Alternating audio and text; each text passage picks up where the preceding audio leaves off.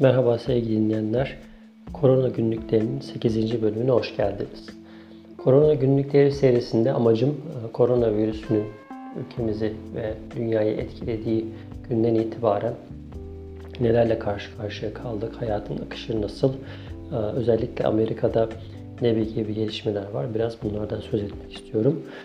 Ki zira zaman zaman e, farklı başlıklar altında yayınlara da devam edebileyim. Asıl niyetim korona günlüklerinin altındaki, bu başlık altındaki niyetim korona sürecinde hayatın normal akışında karşılaşmadığımız şeyleri bir nebze olsa burada e, bahsini yapabilmek. Evet, Memorial Day weekend'i atlattık. Bu Amerika'da özellikle yaz tatilinin veya bir şekilde yaz sürecinin başlamasına bir delalet olan e, bir tarih, e, bir tatil.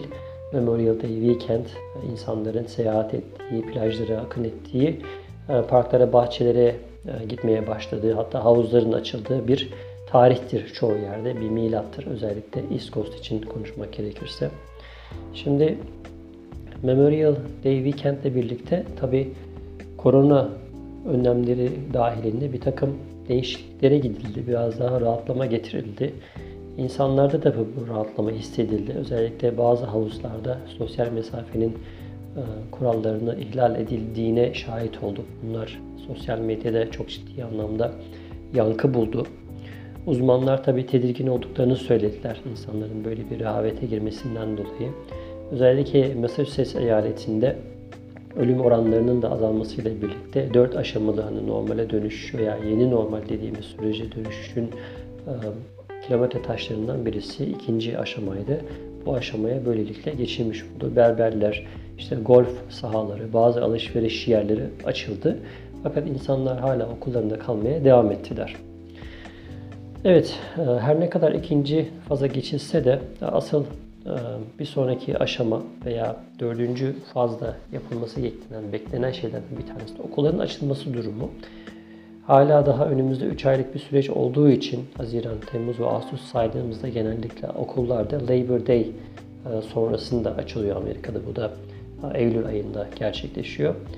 Okulların açılıp açılmayacağı, nasıl açılacağı, işte hibrit yani karma bir eğitim mi verilecek? Hani yarı online, yarı e, okula gidilecek şekilde veya staggered schedule diye bir şey şu anda konuşuluyor. İşte çocukların bir kısmını sabahçı öğrenci gibi düşünebilirsiniz veya işte haftanın belli günleri bir grup öğrenciyi alma. Çünkü en son eyaletin yayınladığı guideline'lar yani e, rehber e, kaynaklarda sınıflarda 10 kişiden fazla öğrencinin bulunmaması gerektiği, her öğrenci arasında 6 fit kadar bir mesafenin korunması gerektiği, sınıfta en fazla 2 adet yetişkinle beraber toplam 12 kişinin olması gerektiğini söylüyorlar. Bu durumda tabi ister istemez okullar sınıf mevcutlarının yetersizliğinden dolayı e, belli bir e, düzenlemeye gitmek zorunda kalacaklar. E, şu an herkes farklı bir şey düşünüyor. Her kafadan bir ses çıkıyor diyebiliriz. Bu anlamda eyaletin biraz daha insanlara bir nevi yön vermesi bekleniyor. Özellikle Haziran ayı ortası ve Haziran ayının sonlarına doğru.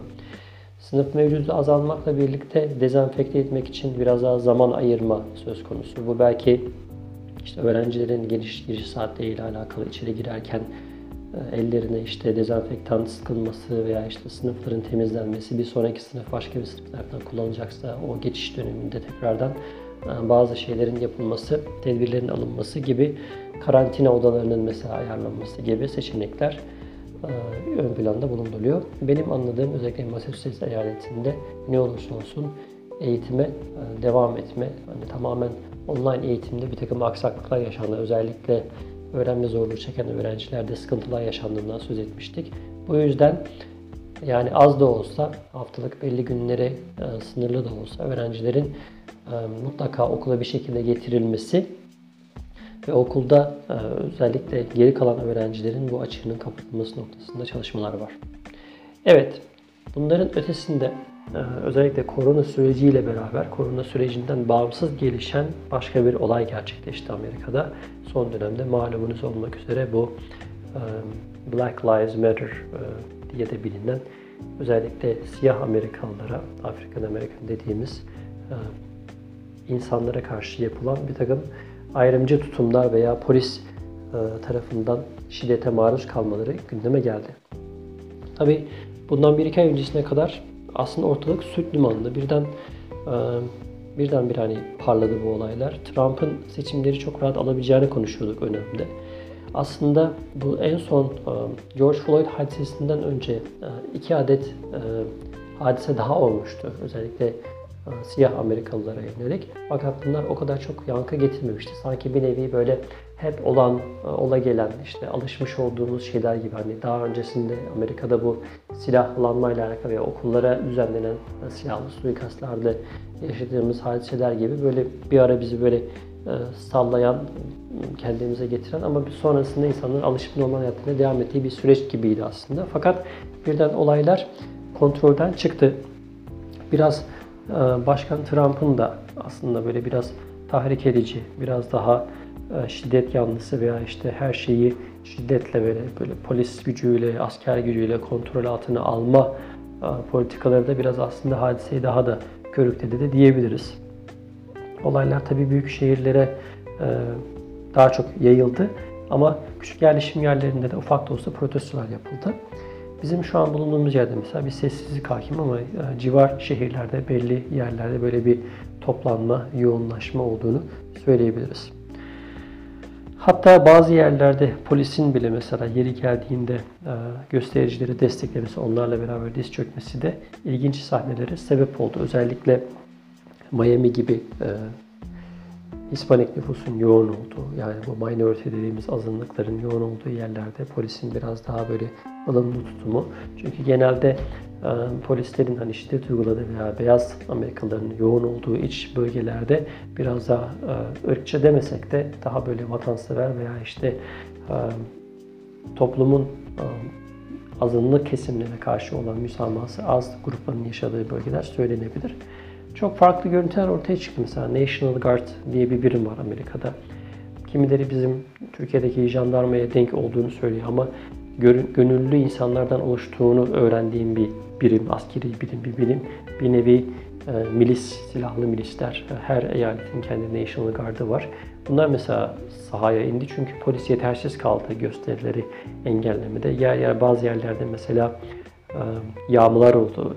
İnsanlar hiç alakasız bir şekilde mağazalara girip hırsızlık yaptılar. Mağazalarda işte ne varsa camlarını kırıp alıp götürdüler. Bunları kameralar gündüz vakti güpe gündüz bir şekilde kaydettiler. Ee, bunlar tabi ister istemez olayların farklı boyuta e, evrilmesine, e, olayların mesela siyahlar içerisinde de bunları tasvir etmeyen insanların olduğunu dikkate alırsak bir nevi e, bir bölünmüşlüğe de sebep oldu veya karşı tarafa özellikle kendi e, haksızlıklarını dile getirme noktasında karşı tarafa e, sesini duymaya çalışan insanların karşı taraftan da e, bakın siz de hani böyle ortalığı işte ateşe verdiğiniz, işte düzensizliğe sebep olduğunuz gibi bir eleştiriye maruz kalmalarına sebep oldu.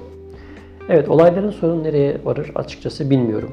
Sanki ikinci bir Civil Rights Movement yaklaşıyor gibi. Bir önceki belki hatırlarsınız hani 60'lı yıllarda daha öncesinde Rosa Parks'la başlayan işte otobüse bindiği zaman siyahların yerine değil de beyazların olduğu yere giden e, birisinin başlattığı bir hareket. Daha sonra Martin Luther King ile beraber onun ödülmesiyle beraber ortaya çıkan işte olaylar bir şekilde devletin bunları e, bastırmak için aldığı bir takım e, kararlar vardı. Yani şey sonrasında bu olaylar sonrasında devlet belli kararları, düzenlemeleri yapmak zorunda bırakılmıştı. Özellikle zenci veya siyah Amerikalıların haklarını koruma veya daha iyi bir yere getirme anlamında. Şimdi de burada böyle bir şey bekleniyor ki yerelde bir takım çözümlerin alındığını da görüyoruz. Mesela bu olayların vuku bulduğu Minnesota'da mesela e, o şehrin herhalde zannedersem e, polis gücünü lağvetme düşüncesi. Bunun yerine polis yerine halktan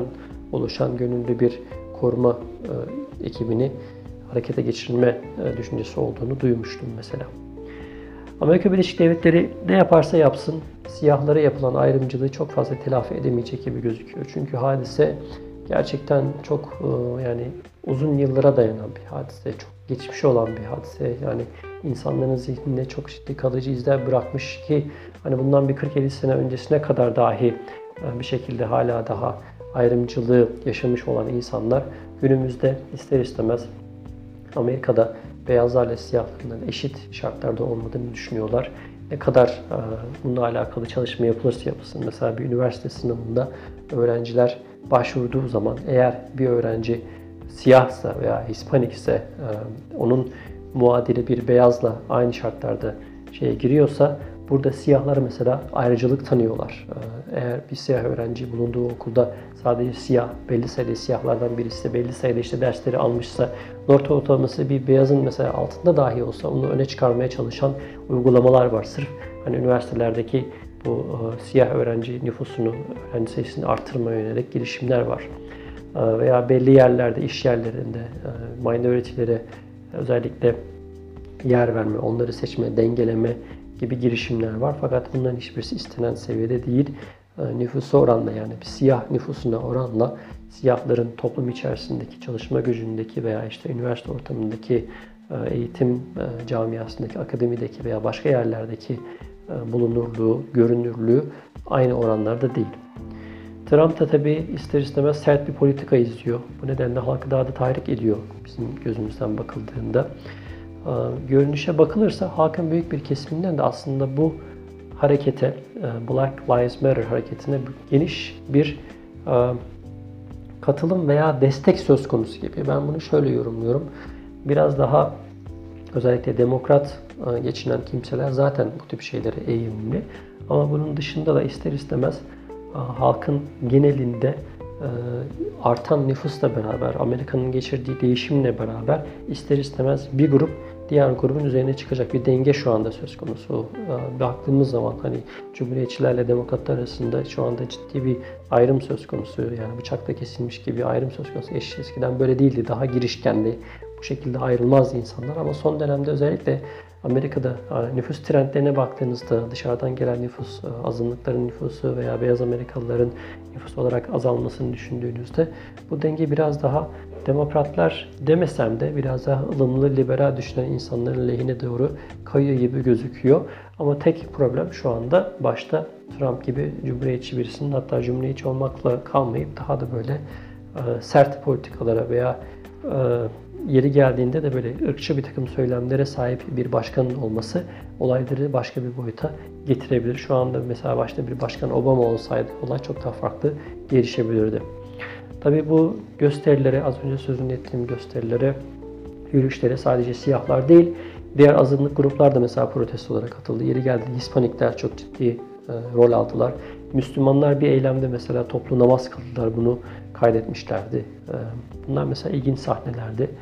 E, bunun dışında işte Amazon, Twitter, bazı televizyon kanalları, gazeteler, üniversiteler hep açıklama yayınladılar.